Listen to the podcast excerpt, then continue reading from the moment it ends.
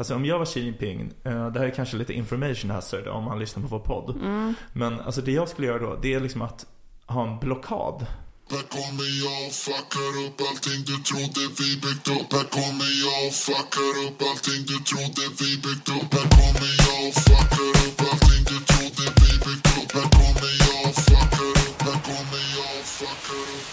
Hej och välkomna till ännu ett härligt avsnitt av podcasten Om och Men där vi reder ut det ni tycker är krångligt och krånglar till det ni trodde redan var utrett. Med mig, Vincent Flink Gamlenäs. Med mig Beatrice Erkers. Oj, oj, oj. Ja, Vad har hänt sen sist? vad har hänt sen sist? Ehm, jag har... ehm, vad har jag gjort? Ja. jag har varit på silent, silent couples retreat. Aha, okej. Ja, Är det för er tysta par som Ja. åker dit? Ja, på en reträtt. ja precis. Um, nej, men, jag var um, ute på Blidö i helgen. Ja, nice. Ehm, och var på ja, silent couples retreat. Det, det skulle ha varit um, um, fler par än oss där. Men Ja. det blev bara vi och de Aha. paret som hostade. Aha, eh, okej. för att folk eh, ställde in. Ehm, men det var, det var jättetrevligt. Mm. Jag, eh, alltså vi åkte dit av lite så här. ehm, ja men att vi, min partner kände dem som anordnade det typ. Och så Mm. jag tänkte ja men det lät väldigt spännande. Vi, vi provar. Skönt att vara lite ute på landet. Ehm, och uh, var väldigt så här, oklart vad man skulle förvänta sig. Mm. Ehm, jag har aldrig varit på något sånt silent retreat eller någonting sånt innan. Ehm, men det var, det var väldigt skönt att vara tyst tycker jag. Det Mm. var inte så svårt. Jag har underskattat. Mm. Jag gillar det också. Mm. Det var väldigt skönt att vara tyst tillsammans med folk. Alltså så här, att det var uttalat att man inte behövde, man skulle inte prata. Typ. Mm. Eh, för att så här, annars blir det lite så här att man känner ju hela tiden att man måste prata Mm. eh, konstant nästan. Om man är tillsammans med folk man inte känner så väl. Um, eftersom det var ju det här paret som ledde också. Um, men, eh, men det här, det, det var nice. Det var lite jobbigt ibland när man så här um, Framförallt när man kom, typ, kom på något så här som Fan det där vore bra att kommunicera. Mm. Ehm, men då fick man skriva, Skriva, upp det. ja. så, ja. Men vad var liksom, eller vad gjorde ni? Eller vad, Syftet. Ja. men det var mycket så här. ehm, det, det låter väldigt hippiigt men det är väldigt, eh, jag vet inte om du har hört talas om breathwork? Nej. Det är väldigt inne nu för tiden ändå med Wim Hof, har du hört talas om honom? Ja, är det han som hoppar i is? Ja. Ja, jo jag vet. Och gör Han- massa andningsövningar och grejer. Jo, vi, ja okej, ja. Ja. Mm. Eh, Jag har kollat eh, på jobbet. ja, Ja. Eh, men så det var mycket olika Mm. andningsmeditationer liksom. Ja, men spännande. spännande. Och så tystnad och, och lite reflektionsövningar och sådär. Mm. Och ja, typ, typ det. Och det var ju för par. Så det Ja, var okej. också så här ehm, att man hade lite övningar som relaterade till sin relation. Par, eh, parsamhet liksom. Precis. Ja men eh, spännande. Så ni hoppade isvak och eh, andades häftigt Ja, vi, vi hoppade i isvak men det var inte, det var när vi bastade så det var inte en Okej. riktig, det var inte andningsrelaterat. Det är tolerabelt ändå. Ja, Ja, spännande. ja men det var faktiskt spännande. Jag skulle kunna tänka mig att göra om det. Jag har aldrig varit på ett silent retreat. eh, Men eh, vår gemensamma vän eh, Isak har varit på ett. Han, Ah. han blev ju galen av det där tror jag. Han blev det. Ja, eller alltså jag tror han älskar det samtidigt, men det var ju, det var ju sån här uh, vipassana. Ja. Eh, och, alltså jag tror att han älskade det, men jag tror att han blev galen när han var där i varje fall. Alltså Ja. att det var en otroligt konstig upplevelse. Ja. Men det kanske är värre, för det är ju att man bara sitter helt still och gör ingenting typ. ja, det låter mycket värre. Ja, alltså jag vet inte. Men ehm, Det låter jobbigt. Eh, ja, alltså jag tänker det också. Men uh, uppenbarligen så får folk ut någonting av det där, att sitta och meditera Ja. typ. det, min mamma var ju också på Vipassana i somras faktiskt. Ja. Eh, men hon verkade tycka att det var väldigt jobbigt i början men du vet, kom in i det. Mm. Eh, jag, jag orkade inte riktigt eh, luta mig in i det där. Eh, alltså så Mm. att man skulle gå så djupt om du förstår. För det tänker Mm. jag att man skulle behöva göra om man, eller att det är syftet om man åker på Mm. ett Vipassana. Jag ville mest bara vila lite, typ Mm. från lite intensiv tid. Ja, exakt. För det är det man tänker att det skulle vara jobbigt med ett silent retreat. Men tänk motsatsen.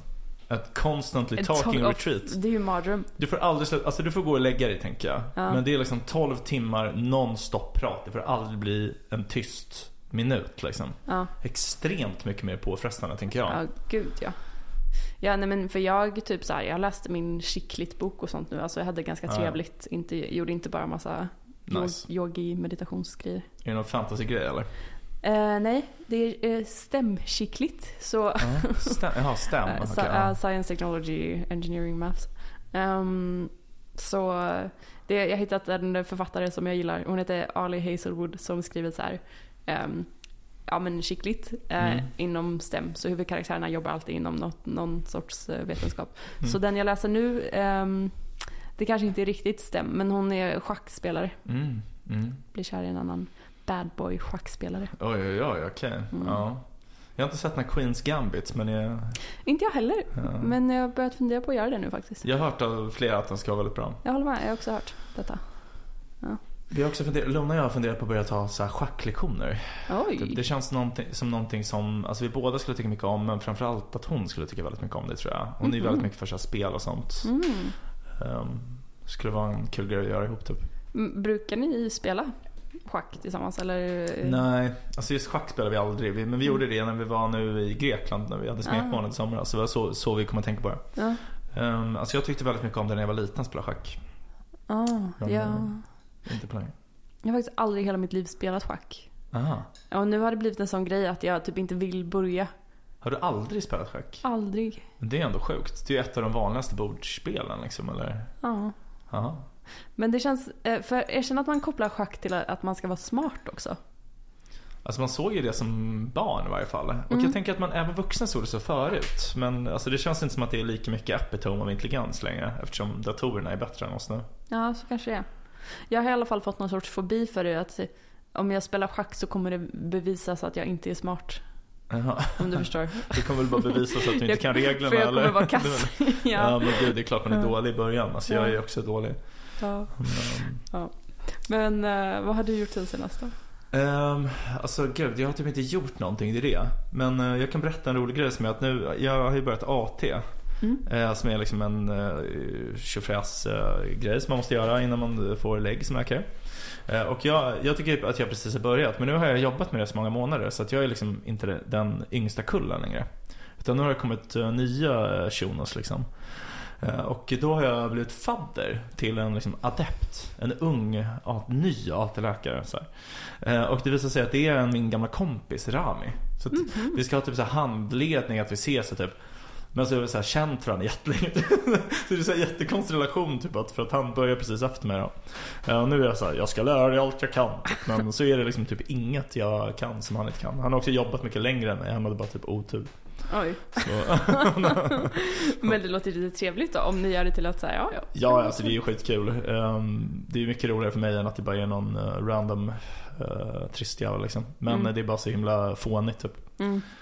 Att man ska handleda någon som säger mycket bättre än en själv på massa grejer typ. Ja, det låter lite jobbigt. Ja, men det är bara så här konstigt system liksom. Men ehm, ja, så det hände mig idag. Mm. Men vad, du, du, är, du har tagit dig igenom typ ett halvår nu? Eller? Nej, eh, typ fyra månader. Fyra månader? Okej. Ja. Så du handlar någon som är fyra månader efter dig Ja, i, men som har jobbat mycket längre? Ja. Ja, ja ett halvår längre typ. Men, men Mm. ändå liksom. Det, det är skumt. Ja, men det, det går jävligt fort alltså. Jag bävade lite för det här nya jobbet men det har ändå varit väldigt mycket roligare än vad jag trodde. Är det så? alltså, Jag var väldigt så här, typ deppig inför att jag skulle börja. Men sen, eh, ja nej det har varit skitkul faktiskt. Alltså det är ju det som jag såg som mest negativt, är typ det som är mest positivt. Att man hela tiden träffar nya människor och liksom eh, Ja, man blir typ så mer vid liv. Man får liksom mer energi av att ens liv är så. Eller Ja, att det jag fått. händer lite, ja, att det händer grejer generellt typ. Ja, och att man hela tiden måste anstränga sig. Alltså man, man träffar en ny person som man kanske kommer träffa två dagar typ. Så Mm. man måste alltid liksom vara på tårna och typ det har, alltså jag har tänkt på att det har liksom givit mig mer energi i andra delar av livet också. Typ att jag, när jag kommer hem så har jag så mycket energi så jag kan typ sätta mig och skriva. Jag kan typ ta nya andra så här, skrivjobb. Fix, ja, det är ju mest det. Men uh, sådana saker. Nice. Ja. Ja, men jag kan tänka mig att om man har ett, ett extremt rutinmässigt liv annars eller så här att det blir för... Mm, Att man hamnar på någon sorts vilopuls eller vad man ska säga. exakt. Exakt. Nu är du uppe i... Nu är jag uppe i Mm. 140 alltså. Ja. Ja. ja, men vad nice. Kul att det är så. Jag Mm. ser bara att du verkar vara besviken på föreläsningar på Be Real. Ja, föreläsningar, det klarar jag inte av alltså. Ja. Fy fan. Det känns verkligen som att bli demoted till student igen. Ja. Men det är så dum undervisningsform. Alla vet ju att det inte funkar. Men ändå så framhärdar man i det. Mm. Dock har jag tänkt att jag borde bli föreläsare. Alltså? För jag tror det är kul att föreläsa. Ja, det är därför vi fortsätter Jag, här jag, jag tror det också. Det är till för föreläsarna. Ja. ja, men vad bra. Då har vi löst den frågan. Ja. Vad ska du föreläsa om då? Ja, men alltså någon sån grej som folk vill höra. Att man kan liksom komma dit utklädd till läkare typ. Ja. Och sen prata om typ nutrition eller så här. Det, det är väl något som folk vill höra. Träning. Skulle inte du ha någon föreläsning om fetma-läkemedel eller någonting? På, eller något seminarium? Eh, jo, men, jo men jag kommer ha det. Men det är i februari. Okej. Mm. Eh, så det, det, är Mm. inte, eller det är inte exakt klart precis när. Men Nej. det, är- det är några månader kvar. Mm. Det är långa ledtider. Ja, jag kan tänka Mm. Ja, men då har du i alla fall, där har du chans att föreläsa. Absolut. Den kommer jag ta. Ja. Den kommer jag ta. Bra. Men vi kanske ska glida in sömlöst här på dagens ämne. Det låter som en bra idé. Ja. Ehm, vi ska prata om uh, uh, något jättespännande. Mm. Semikonduktorer. Exakt, halvledare. Mm. Så um, lean in, gott Exakt. folk. Lean Ja. in. Nu Eh, jävlar. Ja, nu. Det kommer Blir det bli sexigt och vad- hett och vad säger man? Absolut. Bara, ja. Mm. Ehm, Intressant inte minst. Ja, precis. Ehm, ja, eh, vi ska, vi har, jag har läst en bok som heter Ship Wars. Vi har läst en bok. Ja. Eh, Ship, Ship War, The Fight for the World's Most um, Critical Technology. Som är skriven av en författare som Chris, heter Chris Miller. Som jag har, jag har ingen koll på vem han är. Han är någon sorts ekonomihistoriker bara, är det jag vet. Men nörd. Antagligen. Ehm, Stor nörd. Ja, det får vi nog anta. Eh, Men han har skrivit en bok då som, som handlar om datachip. Mm. Ehm, Det känns som att det finns lite olika ord. Alltså man kan säga datachip eller så. Och så man kan säga semikonduktor, halvledare. Ja. Ehm, ja, det är väl det. Ehm, som utforskar just det här, alltså att det är en teknik som är extremt viktig i dagens samhälle. Mm. Och som är extremt, alltså det verkar vara typ den mest komplexa teknologin som vi tillverkar. Mm. Eh, I alla fall i mass, i massproduktion. Eh, eh, och det är en extremt komplex eh, supply chain och eh, vi är extremt beroende av den. Mm. Eh, så liksom det, en, det, det finns i allt från datorer till eh, våra smartphones till bilar, alltså Mm. missiler, mikrovågar, Ja. allting. Ficklampa liksom. Precis, så finns det eh, halvledare. Eh, Mm. och, så, och det finns ju mer eller mindre komplexa halvledare. Mm. Ehm, och det han framförallt går in på är ju de mer komplexa. Mm. Ehm, som är de som används till exempel. Jag kom över den här boken eh, för att det liksom diskuteras i, eh, inom AI, Mm. eh, safety-sfären. Just det. Eh, eftersom eh, halvledare är ett av eh, sätten man tänker att man skulle kunna... Alltså dels är de jätte, jätteviktiga för, eh, för... De har varit jätteviktiga i att vi ens har kommit så, så långt i utvecklingen som vi har just nu. Att de har blivit så extremt mycket bättre. Mm. Eh, och sen så att det är ett av sätten som man tänker att man skulle kunna um, govern. Eller Mm. liksom eh, kunna ha, ha koll på utvecklingen helt Mm. enkelt. Att man skulle kunna, eftersom den, ehm, hur säger man supply chain på svenska egentligen? Ehm. Oj, var... Nej. Vi kanske bara får säga supply chain. Ja, men det finns, det finns ett ord men jag har glömt vad det heter. Men det känns som att man säger det på svenska också, typ att man slänger sig med supply Så, chain. säkert. Ja. Men folk förstår väl vad man menar. Ja. Men eftersom det är en sån komplex eh, supply chain och just nu så har USA liksom övertaget på Kina eh, Mm. i den här. ehm, att det är ett av sätten man skulle kunna kontrollera Exakt. helt enkelt utvecklingen. Mm. Ehm, och se till att Kina inte får så mycket mäktiga semikonduktorer som de vill ha. Nej. Ehm, men så, ja, den går igenom, boken går igenom um, semikonduktorers historia, typ så här hur de uppfanns Mm. ehm, och fram till eh, hur utvecklingen har sett ut och liksom vart vi är idag i det här läget då när det är att eh, USA och Kina är väl de stora stormakterna. Men USA har övertaget för USA har ehm, de internationella relationerna med de som tillverkar Mm. eh, Och det är ju typ bara Taiwan. typ bara Taiwan. De tillverkar typ 90% av alla Precis. halvledare. Så historien är liksom att eh, halvledare till stor del uppfanns typ i Silicon Valley skulle man kunna säga. Ehm, på Bell Labs av Några dudes. Ja, några, det är typ några Några dudes. härliga dudes. Men jag tror att det är han Moore till exempel. Ja. Eller, så är det, eller han kanske inte var den som uppfann men han... ehm, Det är Moores lag. Ja precis, det är um, Moore's Law som är det här med att um, vartannat år, jag tror i början sa han varje år att det var Mm. liksom att det, det fördubblades kapaciteten. Ant, alltså antalet transistorer det får plats med på en given yta Ja, kommer att fördubblas vartannat år. precis. Så alltså, om man har 100 bitar ett Mm. år så är det 200 nästa år och 400 nästa år och sådär. Men, men sen så ändrade han det, reviderade till att det skulle Mm. vara vartannat år. Mm. Som kom på, han märkte helt enkelt att antalet transistorer på ett chip kunde fördubblas. Mm. Så. Och utvecklingen har ju skett extremt. Det, det är många som säger att det är liksom the, the biggest prediction of the century typ. Att det är liksom, Bra jobbat Moore. precis. Mm. Han visste vad han talade om. Mm. Vad är ditt intryck liksom från att ha lyssnat på de här poddarna? Vad pratade han om? Um, jo, nej men alltså Jag har lyssnat på flera intervjuer med han den här författaren och typ, alltså det jag, alltså man har ju hört massor om det här för det har ju skrivits jättemycket om det här i nyheterna i flera år liksom. Men alltså det jag inte riktigt hade fattat var hur otroligt stor edge det är att ha de bästa halvledarna.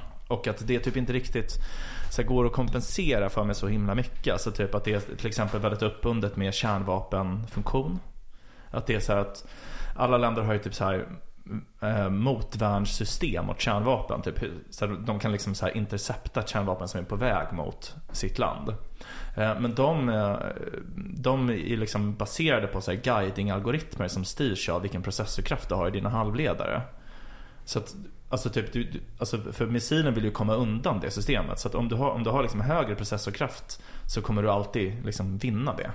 Så det här är liksom, det är inte bara typ att man får högre eh, livskvalitet och typ bättre trinkets för sin befolkning. Utan det är bara att du kan liksom vinna storskaligt eh, krig. Mm. Alltså, ja.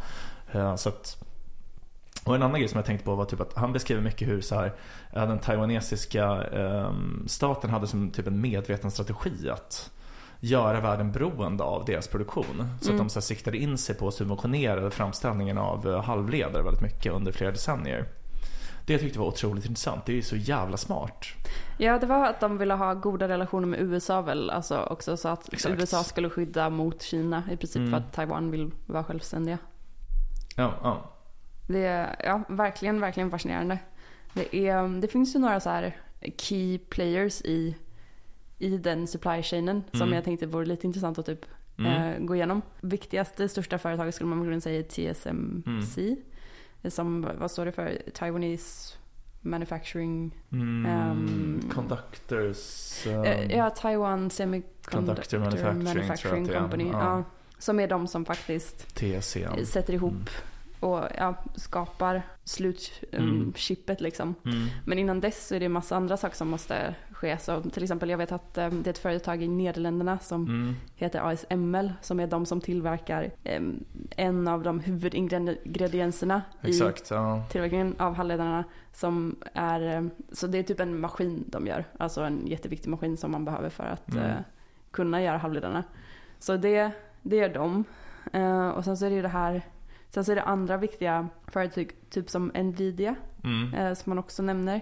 Som är ett amerikanskt företag som också, liksom de är de som typ designar chippet från början. Eh, så det är de som gör arkitekturen. Sen så är det liksom, åker det vidare till någon tillverkning av chisel wafers. Mm. Som är em, materialet i ett av, ett av de viktigaste materialen i chippen. Och då är det någon, något annat företag. Mm. Em, jag tror det är något i Japan och något i USA som är liksom de största. Och sen så är det chiptillverkningen eh, Mm. som är i Taiwan. Och sen så är det, det ja. Och sen när man använder chippet i en maskin så är det ju nästan alltid i Kina. Är det i Kina då? Det, det är det som är det konstiga. För att alltså, alltså till exempel en av de mest sofistikerade teknikgrejerna är ju typ en smartphone. Och nästan alla världens smartphones görs i Kina. Mm. Så att Kina är den största importören av Mm. Ja. halvledare. Vilket är sjukt för det är ju ett det är, alltså de som tillverkar som exporterar till Kina Det är ju liksom ett land som lever under konstant krigshot från Kina. Ja. Men ändå så är det typ en av deras viktigaste affärspartners. ja, precis. Men det var väl också en av, det är väl också en av huvud, eh, det är en av deras USPs också, att de ligger nära Kina. Absolut, Att det ja. är supersmidigt att transportera, frakta till Ja, ja Kina nej, därifrån. absolut. Du- De är ju smarta liksom. Men det är bara så sjukt när man tänker på det. Ja.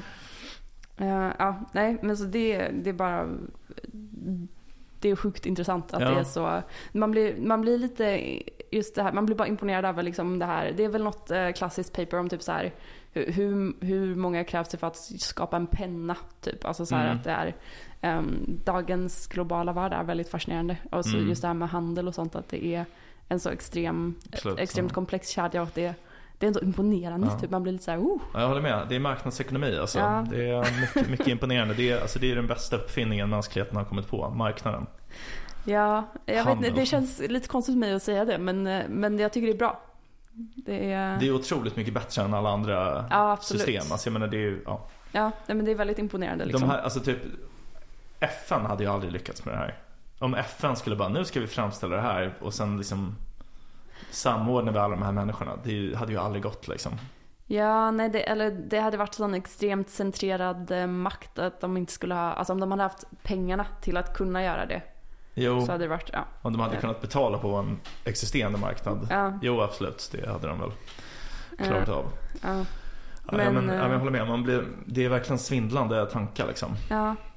Men så det är liksom att det är, det är extremt tekniskt komplext. Det verkar vara liksom bland det mest tekniskt komplexa som vi har att skapa de här. Mm. Och att det kräver någon sorts ganska extremt um, klina miljöer. Ja. Eh, och att det är, um, um, det är väldigt mycket specialutrustning. Alltså det är inte, så här, det är inte mm. några standardmaskiner. Eh, och väldigt specialiserad arbetskraft. Mm. Alltså att man behöver vara verkligen Mm. expert och att det mm, krävs träning. Exakt, att det är så personalintensivt liksom. Ja. Ehm, det går inte att automatisera. Ja.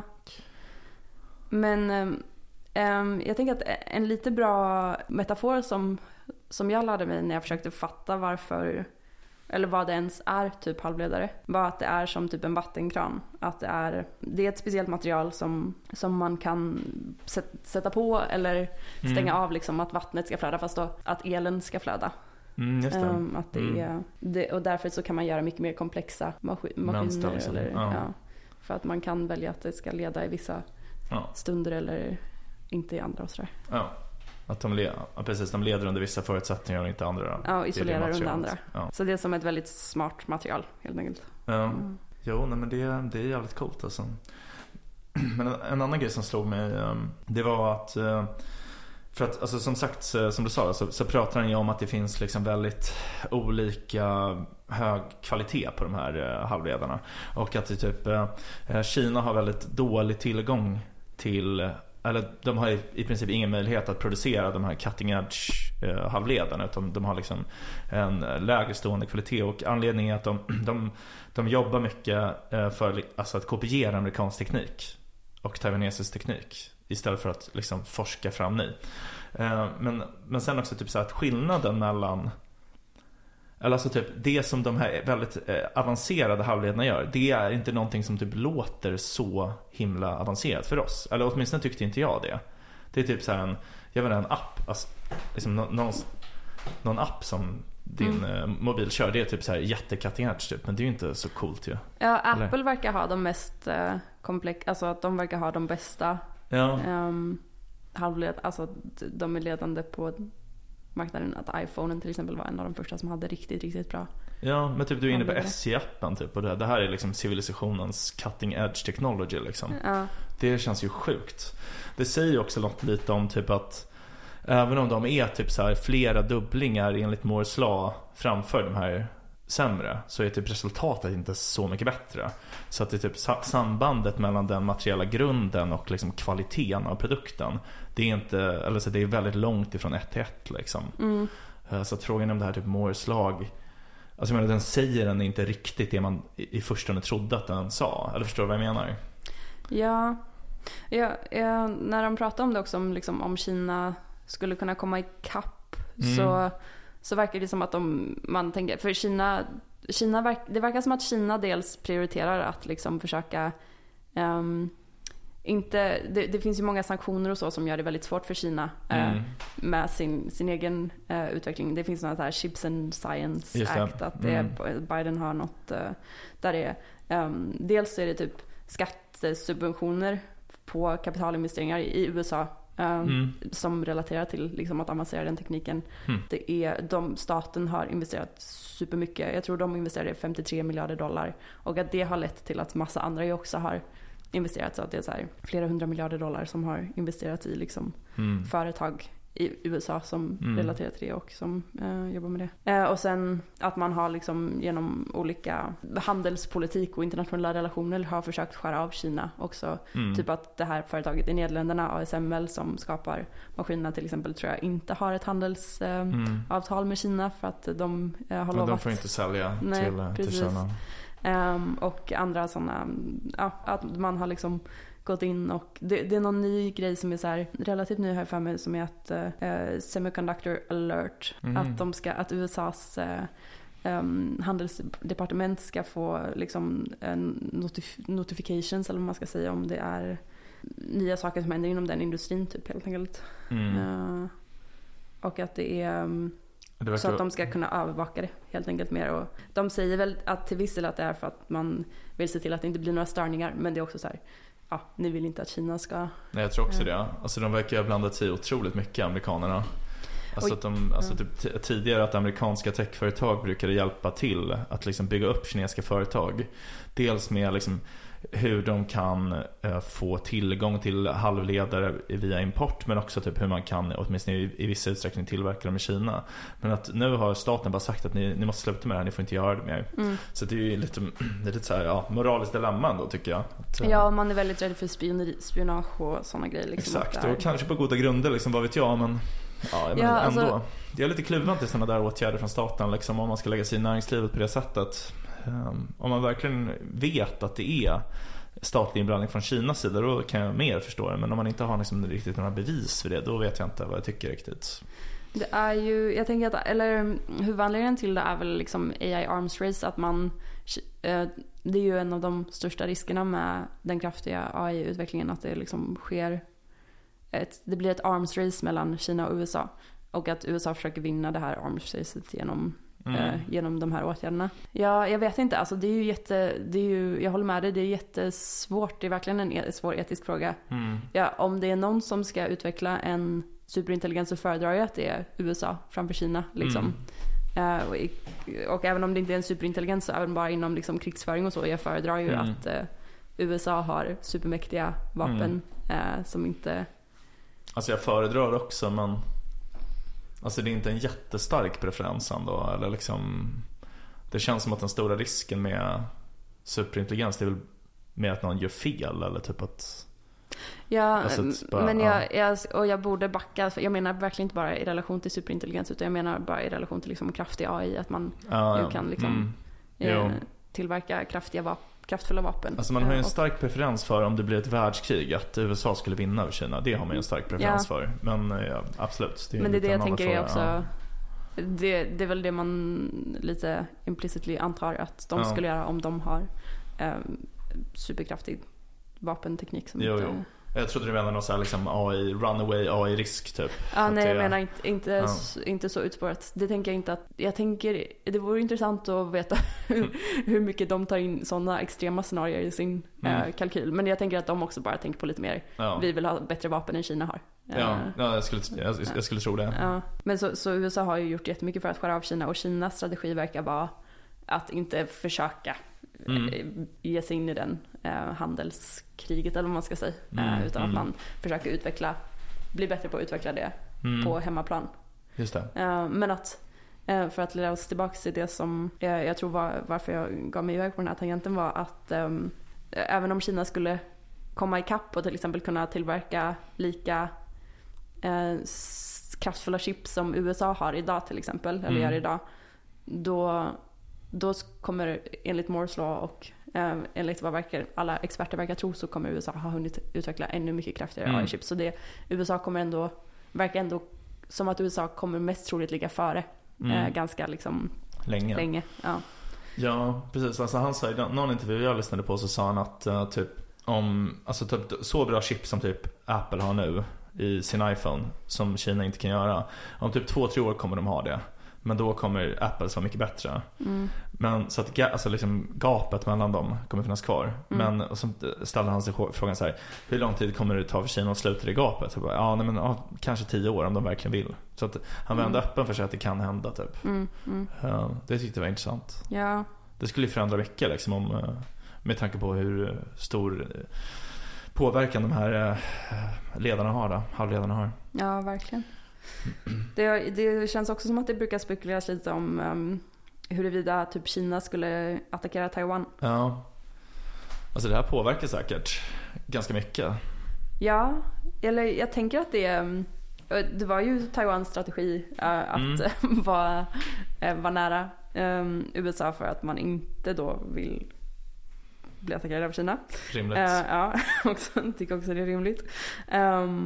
Men att uh, när de spekulerade i det så verkar de inte, det verkar inte som att så här, Kina bara skulle kunna, om, om de ockuperade Taiwan bara skulle kunna ta över produktionen och då vinna på det sättet. Utan att man, uh, dels för att så här, ja visst de kanske skulle kunna ta över fabriken typ men Mm. ja, supply chainen skulle ändå brytas för. Typ, ja men ASML skulle kanske nog inte leverera till exempel. Eller sådana grejer. Eh, och ehm, så mycket av um, expertisen och de som jobbar på inom det skulle nog också bara typ kanske inte vilja jobba Nej, nej. där mer. eh, Förstöra liksom. Ja. Ja. Ehm, så det var, det var intressant när det är så liksom, det är liksom så analogt typ. Om Ja. du förstår. Eh, Man är så van vid att allting är liksom bara, ja men som du, du sa att du var fascinerad över liksom vilka ba- basic grejer där som de här mest avancerade chippen används för. Verkligen. Och att det, jag, jag blev väldigt fascinerad med den här boken att det liksom, ja att vi fortfarande, vi glömmer hur mycket, Mm. hur viktig liksom det, den fysiska Ja. världen är. Ja, det där tror jag att det är ett stort problem. Alltså att människor inte tänker på att uh, världen fortfarande är materiell. De tror Ja. att allting bara är att manipulera symboler. Typ. Ja. Det, det är dåligt liksom. Det gör att man får en så helt vansinnig världssyn typ. ja. Mm. Det är, ja, men, det, men det var bra uttryckt det där med att, det, ja, att man tänker på det som symboliskt allting. Och man tänker Mm. att allting bara är, är, ja, att det är liksom spel för gallerierna. Men vissa saker är också, Ja. Men det är lite som det där bullshit jobs. Kommer du ihåg som vi hade ett avsnitt om? Att Ja. det är så här, högstatusjobb generellt är ju liksom bara att manipulera symboler. mm, För alltså, ja. Delvis på grund av typ vår, hur vår ekonomi har strukturerats av olika slumpmässiga skäl. Liksom att typ finansvärlden till exempel är väldigt mycket så. mm, Det är ju bara manipulation av symboler och som egentligen inte ger något verkligt värde. Så det är ju bara att man, ja. ja men det, är en tangent men eh, ja. Nej men det är en bra spaning absolut. mm. Man kanske kommer ihåg till exempel att under covid-19 att det påverkade en själv. Ehm, bara, dels det med Mm. covid-19, det var ju bara när den pandemin kom till Sverige att det var så här, Mm. man bara oj jag påverkas av någonting som pågår internationellt. Mm. Ehm, för va- vanligtvis i Sverige, eller det här är min upplevelse i alla fall, att man så här, ja man har vuxit upp med mycket nyheter om saker men Mm. man har alltid tänkt att ingenting händer här typ. Men man känner sig väldigt skyddad liksom, Ja. absolut. Men det var ju väldigt intressant då också att det blev ju faktiskt brist på halvledare. Mm. Och då var det typ att, ja nej din, din tvättmaskin kan inte levereras. Men vi kan Eh. inte göra Playstation 5 liksom, Ja. för det finns inga halvledare. Ja. Ja. Ja, det, det, var det, det var det jag tänkte på. ja, Ja. Nej men det, alltså världen skulle väl stå still liksom om de inte fanns. ja Sjukt det, nog. ja. Men, men jag tycker det är intressant det där med Kina för att alltså jag, jag vet inte om han tar upp det i boken men han fick någon fråga i en ehm, och då var det liksom inte han utan det var den här världen som hade podden som tog upp det. Men att alltså Kina, alltså för det första man kan ju inte räkna med att Kina är ekonomiskt rationella. För det är en diktator som är kapabel till vad som helst. Det är ju inte som att han under coronapandemin har strävat efter att typ maximera Kinas BNP liksom. De hade ju så här noll covid-visioner jättelänge som bara helt kört deras ekonomi i grunden. Så att jag tror inte att det här med halvledarna kommer avskräcka honom. Det är möjligtvis det här med USA då. Mm, Han är rädd för att förlora kriget. Men jag tror inte han är rädd för att bara förstöra världsekonomin. mm, Och det andra är att alltså så här, om Kina invaderade Taiwan nu. Då skulle ju USA skydda dem. Men varför skulle de göra det? Alltså de, de skulle ju göra mer som liksom Ryssland gör. Att de gör stegvis så att Alltså typ om Ryssland invaderade EU Då skulle det ju bli krig mellan EU slash NATO och Ryssland Men det är ju inte det de gör De är, de är ju så lite sneaky typ mm, Alltså om jag var Xi Jinping eh, Det här är kanske lite information hazard om man lyssnar på vår podd mm, Men alltså det jag skulle göra då Det är liksom att ha en blockad Du, du har liksom, du har, Taiwan är en jätteliten ö. Du har skepp runt hela Taiwan. Och sen säger du ingen får handla med Taiwan. För att skulle USA då Mm. Starta krig mot Kina bara på grund av en handelsblockad? Det tror jag inte. För att alla, alltså i liksom FN, alla skulle betrakta det som en amerikansk aggression. Mm. För att det är ju liksom, det är handelskrig. Mm. Så, så är det ju mellan stater som det inte blir något riktigt krig av. Mm. Och de, de är ju långt ifrån självförsörjande liksom även i mat. Så, så att de, förr eller senare skulle de ju vara tvungna att Mm. bryta blockaden. Då skulle de behöva förhandla med Kina. Kanske att de ger bort delar av sin halvledarteknologi eller någonting. Mm. Så jag tror att Kina har liksom goda chanser att uh, förstöra det här. Utan att uh, behöva kriga med USA. Tips till Kina. Ja, eller alltså, det, det, det är ju det också. Det beror ju väldigt mycket på vem som sitter i Vita huset. Ja. Jag tror absolut att de skulle kunna göra det under Biden, men under Trump, tveksamt. Du tror att Trump skulle bara... Ja, Skit. tror- mycket större chans tror jag. Ja. Ja. ja Han, de... han känns helt impulsiv liksom. Ja. Det skulle kunna bli kärnvapenkrig, alltså det är ju säkert sämre. Men Ehm, på tal om det här, alltså jag måste berätta något intressant. Jag var ju i San Francisco nu ja, ehm, och de har ju haft det här CPAC-konferensen. ja det. Ja, Det var, eh, så CPAC är typ China Pacific någonting Mm. konferens och Xi Jinping var i San Francisco liksom. ja wow, fan vad coolt. Ehm, ja. och Joe Biden. Mm. ehm, för någon konferens. Och då har de så här städat upp hela San Francisco. Så Ja. San Francisco var jättefint jämfört med vad det brukar vara. Ja, fan. Men ja. också alla hemlösa var borta. Mm. Det är precis som OS i Beijing. De gjorde exakt samma sak. Vart tog alla hemlösa vägen? De bussade väl bara ut dem utanför stan, tänker jag, eller? Ja, men det är så konstigt att de inte kommunicerar kring det. Alltså för så här, Ja. jag vet inte. Det är ändå så här en grodd för konspirationsteorier att, Mm. eh, var- vart är de? Men alltså det är det här, alltså USA är ju, de är ju, de är ju jättebra på massor av sätt men de är ju också en så här jättestor eh, världsspelare som ljuger och liksom, det är ju också rök och speglar precis som i Kina. Rök och speglar. Ja men det är ju det. Ja, ja, ja. Bra uttryck. Jag var inte. Det var kul. Ehm, jag tittar på Homeland nu. Ja, jag har aldrig sett men det verkar ju skitbra. Där är mycket rök och speglar. Ja, är, hon jobbar ju för CIA först. Så, tror jag. Ja, Ja. Eh, så det, jag har jag märkt att jag har blivit nojig nu. Alltså så här, när jag går på stan typ att jag så här, ehm, är det en amerikansk agent eller? Ja men att jag så här, när jag, du vet man ser någon så här um, arbetarbil parkerad. Ja, eh, att man tänker, ja nu sitter de där och avlyssnar någonting. en vit van med en parabol på. Precis, Typ. Ja. precis. Eh, på riktigt, ja. Ehm, eller att må- många som man tänker är undercover. Mm. Men är det värt att se eller? Jag har verkligen funderat starkt på att börja kolla. Alltså den, den första säsongen var ganska värd att se. Men du vet den, den är som andra serier, alla serier som går ett tag. Att den ballar ur mer och mer typ. Ja. Men jag är absolut så här beroende av den. Ja. Eh, jag tycker den är trevlig att ha på lite sådär Ja, i nice. bakgrunden. Ja, men det Ja. låter ju som en dröm. Ja.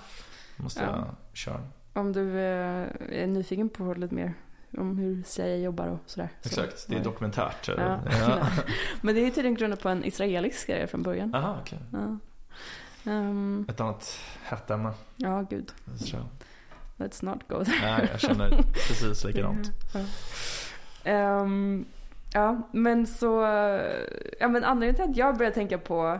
Eller varför jag ville läsa den här boken var ju just i relation till liksom AI och AI governance typ. Mm.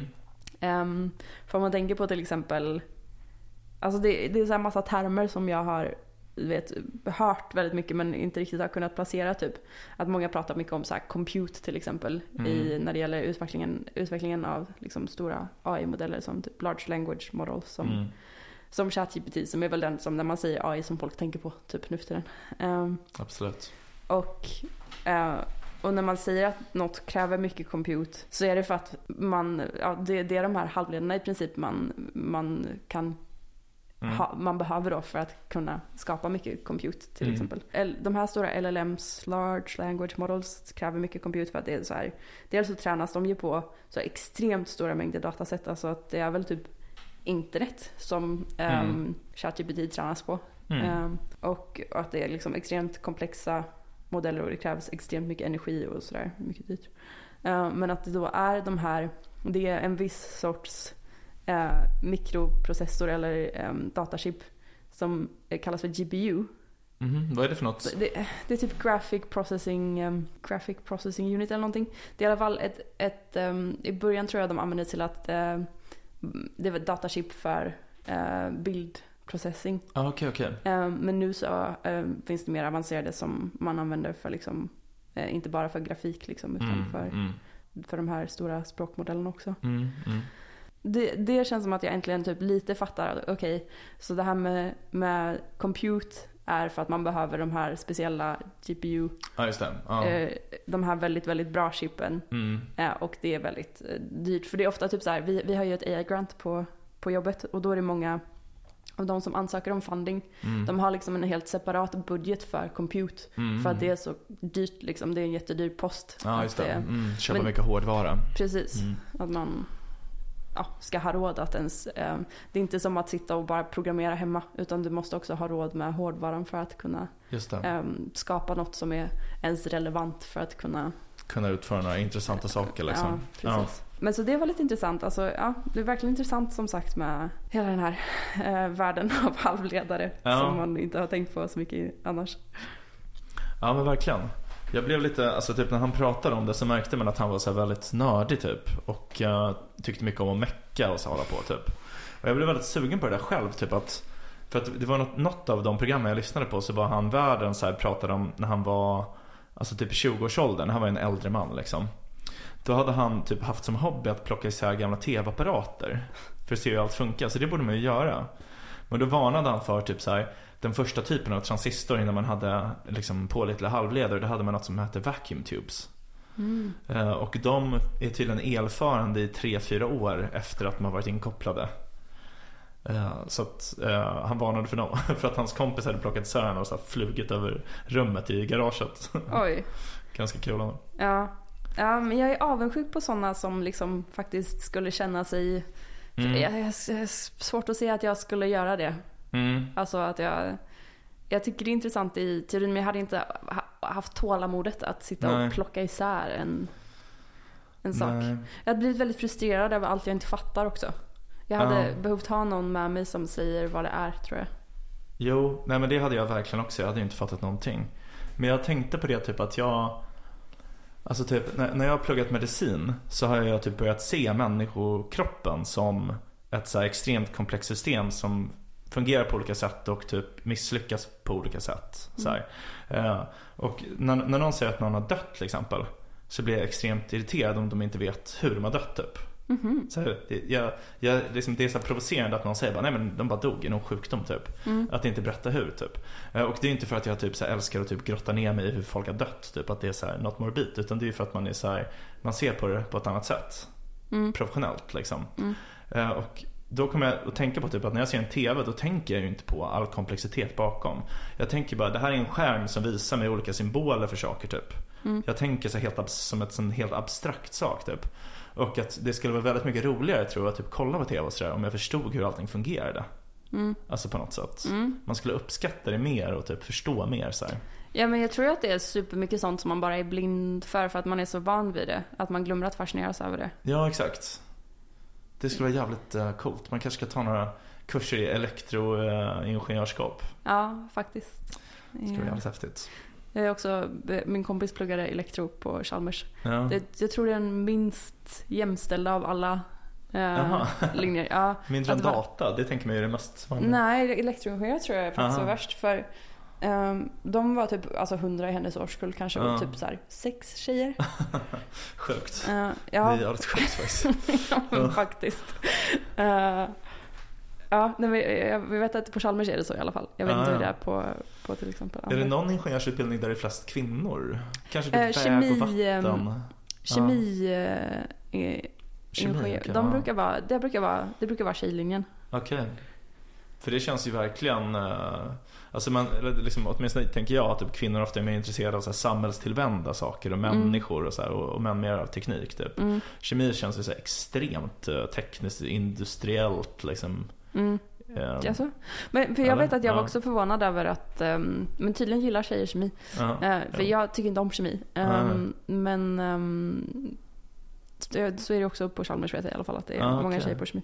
Och väg och vatten är nog också en av de mer jämställda. Ja, Sen miljö vet jag inte om det är... och Ja. sånt, miljöteknik. Ja. Ja.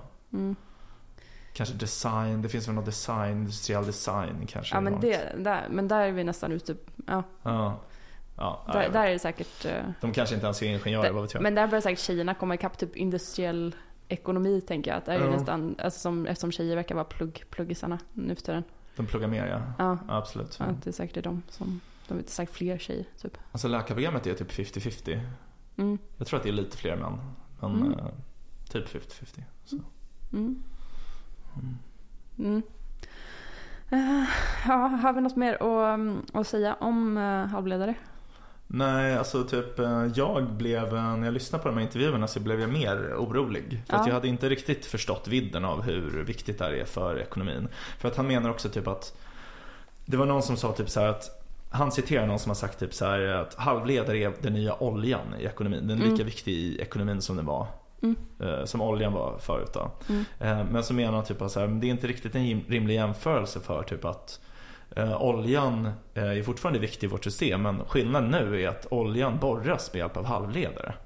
Så det är typ så här, om, om vi blev av med halvledare då skulle vi bli av med olja, vi skulle bli av med allt, vi skulle bli av med vindkraft, vi skulle bli av med alla. För att de behöver ju halvledare. Mm. Så att det, det är mycket viktigare än vad oljan var förut typ. Ja. Ja. Ja, det är väldigt intressant. Det är ju så här, om man, det, det är ju vissa som forskar på det här med typ lite om jorden typ nästan går under scenarion men Ja. alla dör.